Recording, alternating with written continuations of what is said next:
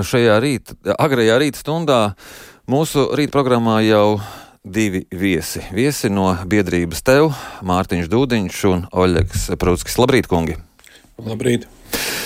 Jūs, kā noprotu, abi pieļauju, ka viens otru nepazīstot, sākāt palīdzēt Ukrainai jau no pirmās kara dienas. Kāpēc šāds lēmums? Nu, te, citi jautājumi, nu, cit, cit, cits atbildes, kā palīdzēt, nevar būt vienkārši. Jo man, es neredzu, neredzu iespēju dzīvot eh, tādā pasaulē, kāda rada Krievija.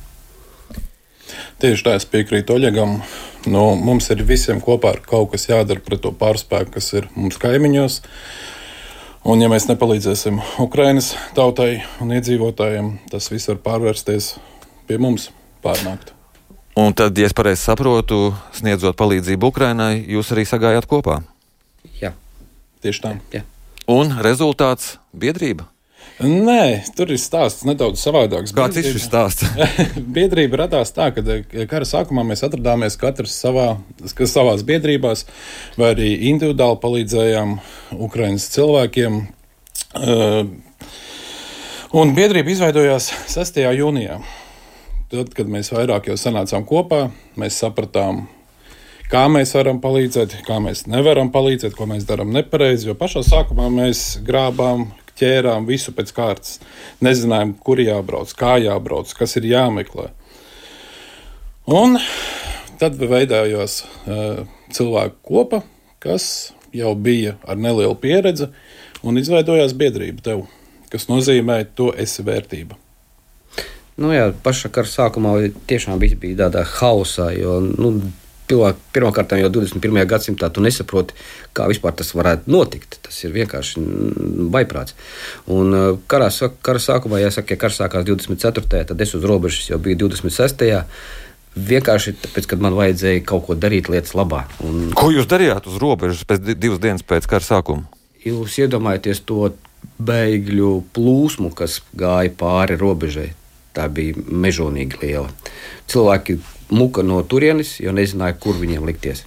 Mēs braucām, es braucu pirmo reizi, te paldies, gribu pateikt nu, savai ģimenei, kur man atbalstīja no paša dienas sākuma, no paša kara sākuma, un uh, savāca man kravu, kuru es nodevu uz robežas, un uz robežas ņēmām cilvēkus, kurus vedām uz Latviju. Nu, Pirmie mēneši bija pilnīgākā hausā, skaidrs, bet uh, laika gaitā, protams, viss izkristalizējās, sapratām, ko mēs varam darīt, kā mēs varam darīt, ko mēs darījām nepareizi, ko mēs varam labot. Nu, tā mums arī izveidojās šī biedrība tev 6. jūnijā, veidojot, uh, jā, 22. gada jūnijā. Un tā mēs šos divus gadus turpinām palīdzēt Ukraiņai gan tur, gan šeit uz vietas. Šis uh, darbs biedrībā tas ir pilna laika darbs. Nē, tas ir brīvprātīgais darbs ārpus darba pienākumu pildīšanai. Bez dienesta biedrībā, civilajā dzīvē, kas jūs esat? Galdnieks. Strādāju veikalā, tirzniecībā. Un atgādinu, ka šajā stundā ar mani kopā studijā ir divi kungi no biedrības tev, Mārtiņš Dūdiņš un Oļegs Prūtskis. Jūs dzirdējāt šo ierakstu par Latvijas sniegto palīdzību Ukrainai. Nu, tur bija arī runa par nogurumu. Jūs esat noguruši? Noguruši visi mēs arī esam noguruši, bet nu, tas nenozīmē to, ka mēs atpūt, uh, sāksim atpūsties vai atslābināsimies. Bet, bet, bet tad, kad jūs dzirdat uh, šīs runas par nogurumu, ka iedzīvotāji ir noguruši, ko jūs par to domājat? Ko jūs sakat cilvēkiem? Nu, Pirmkārt, jau nu, nogurums tiešām es piekrītu Mārķiem, jā, ir arī mūsos. Mēs, mēs nogustam fiziski, bet, ne, bet mēs nenogustam morāli. Un garīgi mēs esam stipri kopā ar Ukraiņas tautu. Jebkurā gadījumā palīdzēsim, cik varam. Ko mēs sakam? Nu, es teikšu tā, man ļoti patika eh, mūsu prezidenta vārdi, kad eh, mēs nevaram atļauties, nu, tā, nevaram atļauties tagad nogurt. Vienkārši nu, tas nedrīkst. Kāpēc? Nu, tāpēc, ka Es nezinu, man grūti pateikt. Es, kā es motivēju citus?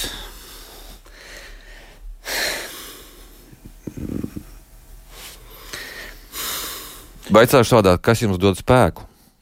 Spēku dod tas, ka nu, mēs paši braucam iekšā, mēs paši braucam līdz frontes līnijai, mēs paši redzam karavīrus, mēs redzam civiliedzīvotājus, mēs redzam viņu sejas, mēs redzam postījumus un arī mēs paši piedzīvojam apšaudas tiešā vārda nozīmē. Un kad mēs esam tur, mēs iegūstam spēku un saprotam, ka apstāties mēs nevaram. Jūs esat atnākuši pie mums uz studiju arī ar Ukraiņas karogu. Tas mums izklāts uz galda. Klausītāji gan to neredz, bet jā, ir Ukraiņas karogs ar uzrakstiem.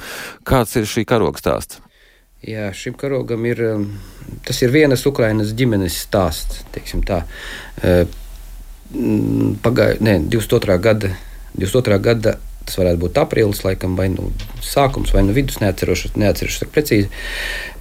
Es evakuēju vienu Ukraiņas ģimeni no Ukraiņas uz Latviju. Tā bija jauna māmiņa ar divām mazām meitiņām un eh, vecmāmiņu. Karoga stāsts ir tāds, ka eh, šīs mammas vīrs eh, bija dienē Nācgvardē, un viņš kā Nācgvardes bija apsargājis Černobiļas atomelektrostaciju. Krievija iegāja Černobiļā ļoti ātri, un viņš tika gūstā. Deviņus mēnešus viņš pavadīja Krievijas gūstā. Nestāstīšu to, ko viņš man pastāstīja, būdams tur. Uh, šis karoks ir viņa pateicība man personīgi par to, ka es izglābu viņa ģimeni, uh, izvedu viņu uz Latviju. Mammai at, atklājās krūts vēzis, un viņa šeit Latvijā izgāja pilnu kursu izārstējās, cerams, un uh, tagad uh, braukā uz Latviju tikai atrādīties pie ārstiem. Vīrs, kurš bija gūstā, bija atbraucis šeit uz Latviju pēc deviņiem mēnešiem pavadītajiem tur, uzdāvināja šo karogu. Nu, tā viņš arī ir pie manis. Es tagad viņu ņemu līdzi, kad braucu uz Ukrajinu, vedu humanitārās, humanitārās mm, kravas un lūdzu draugiem, paziņām un arī ar tiem, ar kuriem satiekos, uz viņa parakstīties. Tā viņš arī laika gaitā apauga ar novēlējumiem, pateicības vārdiem un tā tālāk. Tie pateicības vārdi, ko mēs dzirdam tur no cilvēkiem, ir bezgala vērti. Jo tāds emocionālais pacēlums pēc viņiem, ka tu gribi darīt vēl un vēl. Nogurums ir, bet emocionāli tu darīsi un darīsi tālāk. Tad lūk, tas jums dod spēku. Ja? Kāpēc jūs negribat stāstīt, uh, uh, ko šis cilvēks ir piedzīvojis gūstā? E, tā ir viņa personīgā pieredze, un es negribu atstāstīt viņa. Nu, es teikšu, tā, tik, ja, no, no savas pieredzes, to, ko es dzirdēju, nu, tas ir briesmas. Es nevaru, uh, nevaru tos cilvēkus nosaukt par, par cilvēkiem, kas to ir darījuši. Tā ir, ir radība vienkārši. Cik jūs esat uh, cilvēku biedrībā?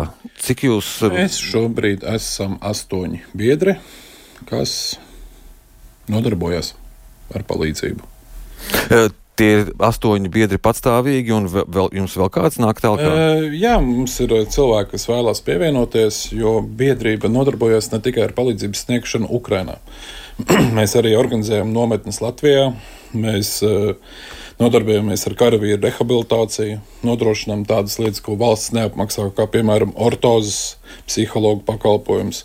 Mēs atbalstam Ukraiņas bērnus ar invaliditāti, īpaši autistus.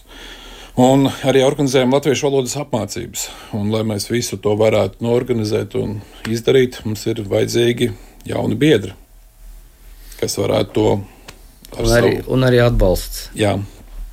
no ārpuses. Atbalsts tas ir naudas ziņā. Nu, lielāko daļu jā, jo grūti, grūti, grūti, grūti pateikt, kas ir vajadzīgs konkrētajā mirklī. Tāpēc labāk ir viens no labākajiem mērķiem, kā, zied, kā, kā palīdzēt, tas ir ziedošana. Jo mēs atradīsim tas, kas būs nepieciešams konkrētajā mirklī, konkrētajam cilvēkam. Bet tā m, palīdzība, ko varētu cilvēki nākt palīdzīgā jums kaut kādos organizatoriskos jautājumos, kas ir tie, tie darbi, ko jums, ko jums vajadzētu nākt palīdzīgā? Ko jūs viņiem, ja atnāk cilvēks, ko jūs viņiem piedāvātu darīt?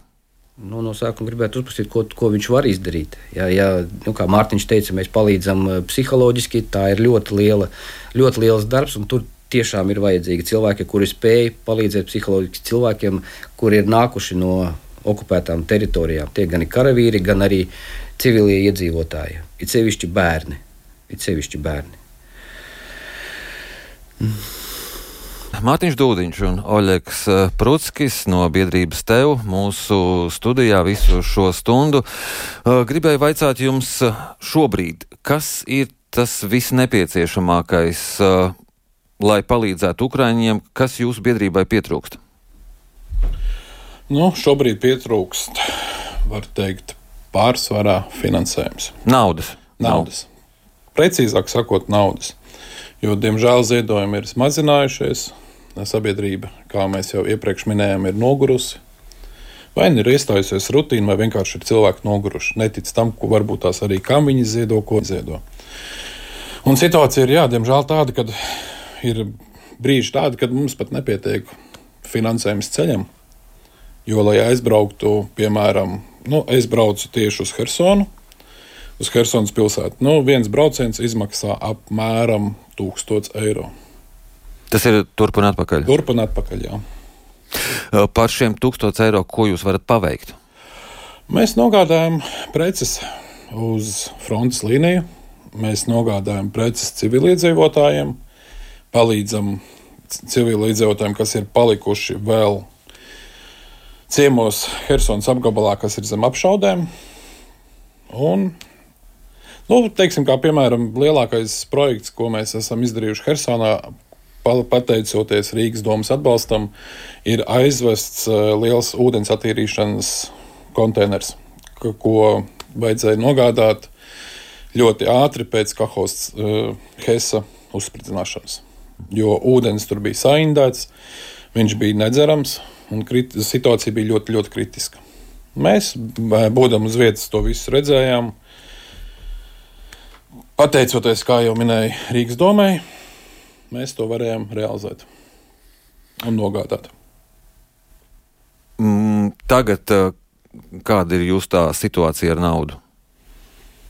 Nu, es nepateikšu, protams, konta izrakstu, tas ir nereāli, bet uh, ir tā, ka.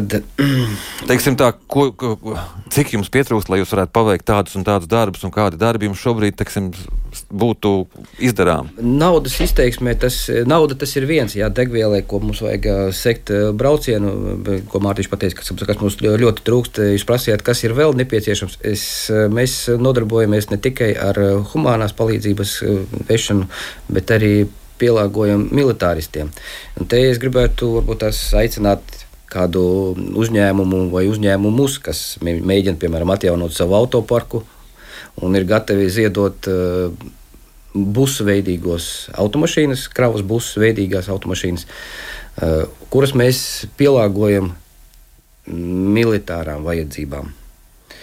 Tie ir uh, nu, konkrēti šajā gadījumā tie ir dronu pārvietošanas, dronu, nu, dronu vadības, vadības, mikro, jā. vadības, vadības Vadības centrs. Mhm. -huh. Un vēl dažas minūtes mēs varam uh, turpināt sarunu ar biedrības tev pārstāvjiem Mārtiņu Dūdiņu un Oļegu Prūtski.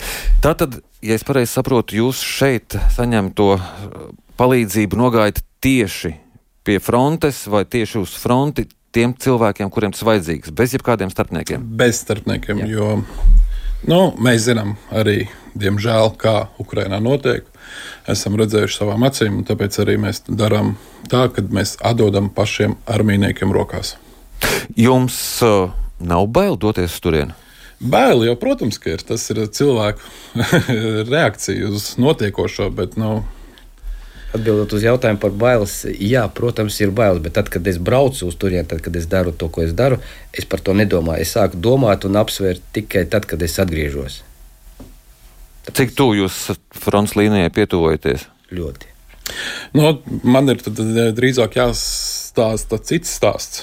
Eh, mans, man tā saucamā karjera Ukrajinā sākās ar to, kad es 11. martā iestājos Internacionālajā leģionā. Iestājos Jāravīras poligonā un 13. martā piedzīvoju pirmo raķešu uzbrukumu. Kas ot, tad bija jā, tiešām tas bija nakts murgs jo viss lidoja, viss sprāga, raķetes lidoja uz mūsu bāzi. Tie, kas paspēja ieskrēja mežā, dzirdējām tikai automātu skaņas, nezinājām vispār, kas notiek, kas būs tālāk. Nu, kā, protams, izrādījās pēc tam vēlāk, kad uh, bija trāpīts mil, uh, munīcijas noliktavā, un tāpēc arī uh, likās, ka šauj apkārt. Bet, nu, tas bija tas mans pirmais, pirmā pieredze. Un pavisam īsi jūsu darbdevēji jums ļauj visu šo darīt un atbalsta? Protams. Jā.